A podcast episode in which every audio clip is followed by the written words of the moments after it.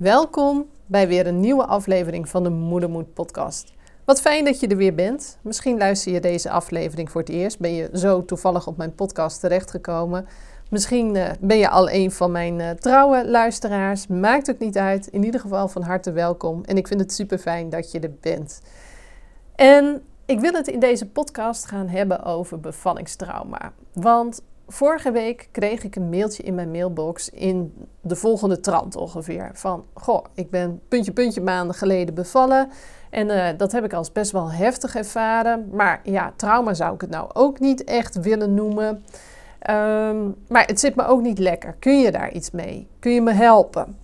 En dit mailtje is natuurlijk geen uitzondering. Ik heb uh, wekelijks van dit soort mailtjes in mijn mailbox. En kennelijk is voor veel mensen dat woord trauma is nog zo groot, zo spannend. En vinden ze het heel moeilijk om hun ervaring, die voor hen heel heftig of overweldigend is geweest, zo te noemen.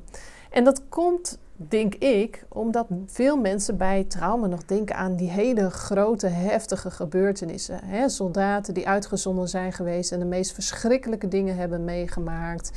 Um, bijna dood bent gegaan, uh, een, een, een nood uit een brandend huis hebt kunnen vluchten. Al dat soort hele grote gebeurtenissen, dat dat eigenlijk de enige manier is, de enige reden is hoe je een trauma kunt oplopen. Maar dat is niet het geval. Sterker nog, ik heb vrouwen in mijn praktijk die een bevalling hebben gehad volgens een boekje en die daar toch trauma aan over hebben gehouden. Of vrouwen die een enorm snelle bevalling. Iedereen lijkt daarvan te dromen. Nou, zo, zo fijn is dat niet. Want het gaat zeg maar binnen een paar seconden van 0 tot 100. En je lijf en je brein hebben amper de tijd om dat bijna te kunnen benen. Waardoor het heel overweldigend kan voelen. Dus ja, hoop daar ook weer niet te veel op. Dat is ook niet alles. Uh, maar dat soort vrouwen komen ook in mijn praktijk. En het trauma is sowieso geen diagnose, PTSS bijvoorbeeld wel. Maar trauma zit niet zozeer in wat je hebt meegemaakt, maar veel meer hoe heb jij je op dat moment gevoeld. Heb je je hulpeloos gevoeld, wanhopig, kwetsbaar, beschaamd, klein, niet gezien, niet gehoord? Dat soort gevoelens kunnen ervoor zorgen dat je in een stressreactie terecht bent gekomen en dat dat eigenlijk heeft gezorgd voor een ontregeling in je, in je zenuwstelsel, waardoor je brein eigenlijk de herinneringen ook niet goed heeft kunnen opslaan en goed kunnen, heeft kunnen wegschrijven naar het lange termijn geheugen. En eigenlijk zit het dan ook meer van, ja, wat zijn daar de gevolgen van? Dat is eigenlijk wat we bedoelen met trauma, niet meer en niet minder. Het is niet een grote sticker die op je voorhoofd terechtkomt. Het is voor mij, weet je, sowieso diagnosticeer ik natuurlijk niet. Maar het is voor mij eigenlijk meer een woord dat omschrijft wat je hebt meegemaakt. Dat dat enorm overweldigend voor je is geweest. En dat je daar op dat moment gewoon niet mee hebt kunnen dealen. En daar heb je zelf niet bewust invloed op. Dat overkomt je. Jouw brein besluit voor jou van: Goh, ik voel me zo onveilig.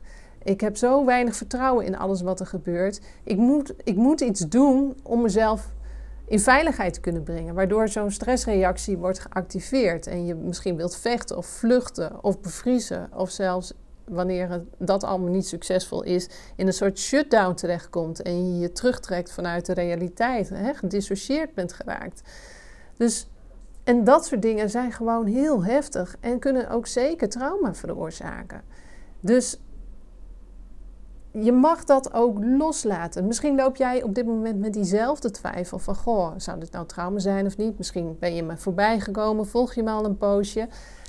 Weet dan dat dat gewoon niet zit in de gebeurtenis aan zich. Want andersom kan natuurlijk ook net zo goed. Hè? Mijn, mijn laatste bevalling was ontzettend heftig medisch gezien. Uh, ik verloor 5,5 liter bloed, belandde op de IC, heb 28 uur daar in slaap op de IC gelegen. En ik heb echt een bult aan complicaties en operaties daarna nog gehad. Zoiets zou op papier, als je dat leest, dan zou je misschien gelijk de indruk hebben van... nou, die zal er wel een flink trauma aan over hebben gehouden. Terwijl dat helemaal niet het geval was. En dus andersom kan ook. Het zit dus echt in hoe heb jij je gevoeld op dat moment en ja, heb je daar op dat moment mee kunnen dealen? Of was het zo overweldigend dat dat gewoon niet meer lukte? En soms zie ik dus ook dat dingen die tijdens een bevalling gebeuren, een opmerking van iemand of het gevoel de controle te verliezen of een handeling eh, zonder jouw toestemming, zonder jouw consent, dat dat ook iets ouds aanraakte. En dat wat je op dat moment tijdens je bevalling voelde en ervaarde, niet helemaal passend was bij dat moment, maar eigenlijk veel groter was dan wat je op dat moment overkwam. Kijk, ons brein is natuurlijk gewoon niet achterlijk. Als wij eerder dingen hebben meegemaakt, bijvoorbeeld ehm, stel je voor, je bent als kind gewoon gepest. Dat is iets wat ik veel bij mijn bevallingstrauma-cliënten zie. Ehm, en, en mensen hebben dingen tegen je gezegd die gewoon heel pijnlijk waren. En je gaat bevallen. En tijdens de bevalling maakt een van de verpleegkundigen of een verloskundige maakt een opmerking die binnenkomt en die jou je op je ziel raakt. Misschien zat er helemaal niks verkeerds achter die opmerking. ik heb ooit een, een cliënt gehad um, die een verpleegkundige had. En die verpleegkundige zei: Nou, die weet van jou kun je nog geen truitje, truitje op bij, breien. Stel je nou voor dat je zo'n opmerking krijgt en je hebt zo'n verleden dat brein denkt gelijk ho, wacht eens even, ik heb dit eerder meegemaakt. En dit was zo ontzettend onveilig voor mij. Ja dit laat ik niet weer gebeuren. En voor je het weet wordt er opnieuw een stressreactie in jou geactiveerd... die jou helpt om te vechten of te kunnen vluchten mocht het nodig zijn... om jezelf in veiligheid te kunnen brengen. En als dat niet kan, bijvoorbeeld omdat je aan bevallen bent... dan zie je vaak dat mensen gaan freezen... En als dat niet een optie is, de laatste optie is uiteindelijk in een soort faint of, of shutdown staat komen. Ja, dan ben je zo wanhopig en dan, dan ja. Dan, als je bij dieren in het wild kijkt, als die in zo'n staat komen, dan laten ze zich eigenlijk voor dood vallen, helemaal verslapt, in de hoop dat het roofdier uh, ze niet meer interessant vindt en aftaait. Uh, dat brengt hen dan de grootste kans op overleving. Maar dit gebeurt ook zeker tijdens bevallingen. En niet dat je neervalt, soms ook wel. Soms gaan mensen echt flauw vallen bijvoorbeeld. Dat heb ik zelf gehad tijdens mijn eerste bevalling. Maar lang niet altijd. Maar het is meer het gevoel hebben dat je niet meer helemaal in de realiteit aanwezig bent. Dat dingen langs je heen gaan. Dat je nu later ook daarvan hele stukken mist in je herinneringen. Dat eigenlijk veel meer. En dat, dat wordt dan opnieuw aangeraakt in, in zo'n bevallingssituatie. Het raakt iets ouds. Want het feit, je hebt zoiets meegemaakt ehm, en het is misschien heel lang geleden en je hebt het gevoel, oh joh, dat ligt al lang achter me, daar ben ik overheen, daar sta ik boven. Ja, maar dat denkt dat denkt jouw hoofd, hè? jouw denkende deel van je brein. Maar je hebt ook andere delen van je brein. Je hebt ook een lijf en je hebt ook een zenuwstelsel. En die vergeten het over het algemeen niet. Er is een, een trauma-expert, Bessel van der Kolk heet hij. En hij heeft ook een boek geschreven. En dat boek heet The Body Keeps the Score. dus het lichaam houdt de score bij. En zeker als je daar niet heel uitgebreid op hebt gewerkt qua verwerking. En dan bedoel ik niet alleen praattherapie, maar ook andere vormen van traumaverwerking. Dan zit zoiets gewoon nog in je systeem. En het brein heeft eigenlijk maar één taak. En dat wil je gewoon veilig houden. Dat wil voorkomen dat je nogmaals in dit soort situaties terechtkomt. Omdat ze zo pijnlijk voor je waren. en dat brein denkt van ja, als dit weer gebeurt, misschien overleeft ze het een volgende keer wel niet.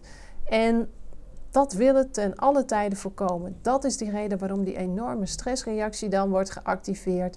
Puur om jou aan te kunnen zetten om jezelf in veiligheid te kunnen brengen. Zodat je zo goed mogelijk en zo ongeschonden mogelijk uit de strijd komt. En dat soort reacties, dat soort ervaringen zorgen ervoor dat je de symptomen kunt hebben zoals je ze nu nog ervaart. En dat is wat we trauma noemen. En dat is, staat dus eigenlijk helemaal los van de gebeurtenis aan zich, maar gaat veel meer op wat heb jij gevoeld na die gebeurtenis, hoe klein die dan ook maar was, en wat voor effect heeft dat nu in de periode daarna. Dus ik hoop dat je met het luisteren van deze podcast daar iets meer inzicht over hebt gekregen. En uh, als je jezelf ook deze vraag nog stelt, zo van ja, nou, uh, dat je dit tegen jezelf zegt van nou ja, trauma zou ik het nou ook weer niet echt noemen. Kijk dan even op basis waarvan je, waarop je dat doet. He, vergelijk je je verhaal misschien met verhalen van anderen die in jouw ogen iets veel heftigers hebben meegemaakt en haal je je eigen ervaring daarmee naar beneden. Of, of uh, mag jouw ervaring er gewoon zijn. En als dat voor jou niet goed voelt, dan is dat zo. No matter what eh, de hele wereld het misschien in jouw ogen nog tien keer heftiger heeft meegemaakt. Hè, dat mag ook zijn. En als het als je even verder bent, hè, natuurlijk, weet je, we hebben een heel groot zelfherstellend vermogen en daar geloof ik ook altijd in. En als mensen heel kort na de bevalling mij al berichten, dan vraag ik, of dan geef ik ook altijd dat aan. En als het voor hen goed voelt, dan, dan adviseer ik ze ook vaak om nog even dat zelfherstellende vermogen de kans te geven.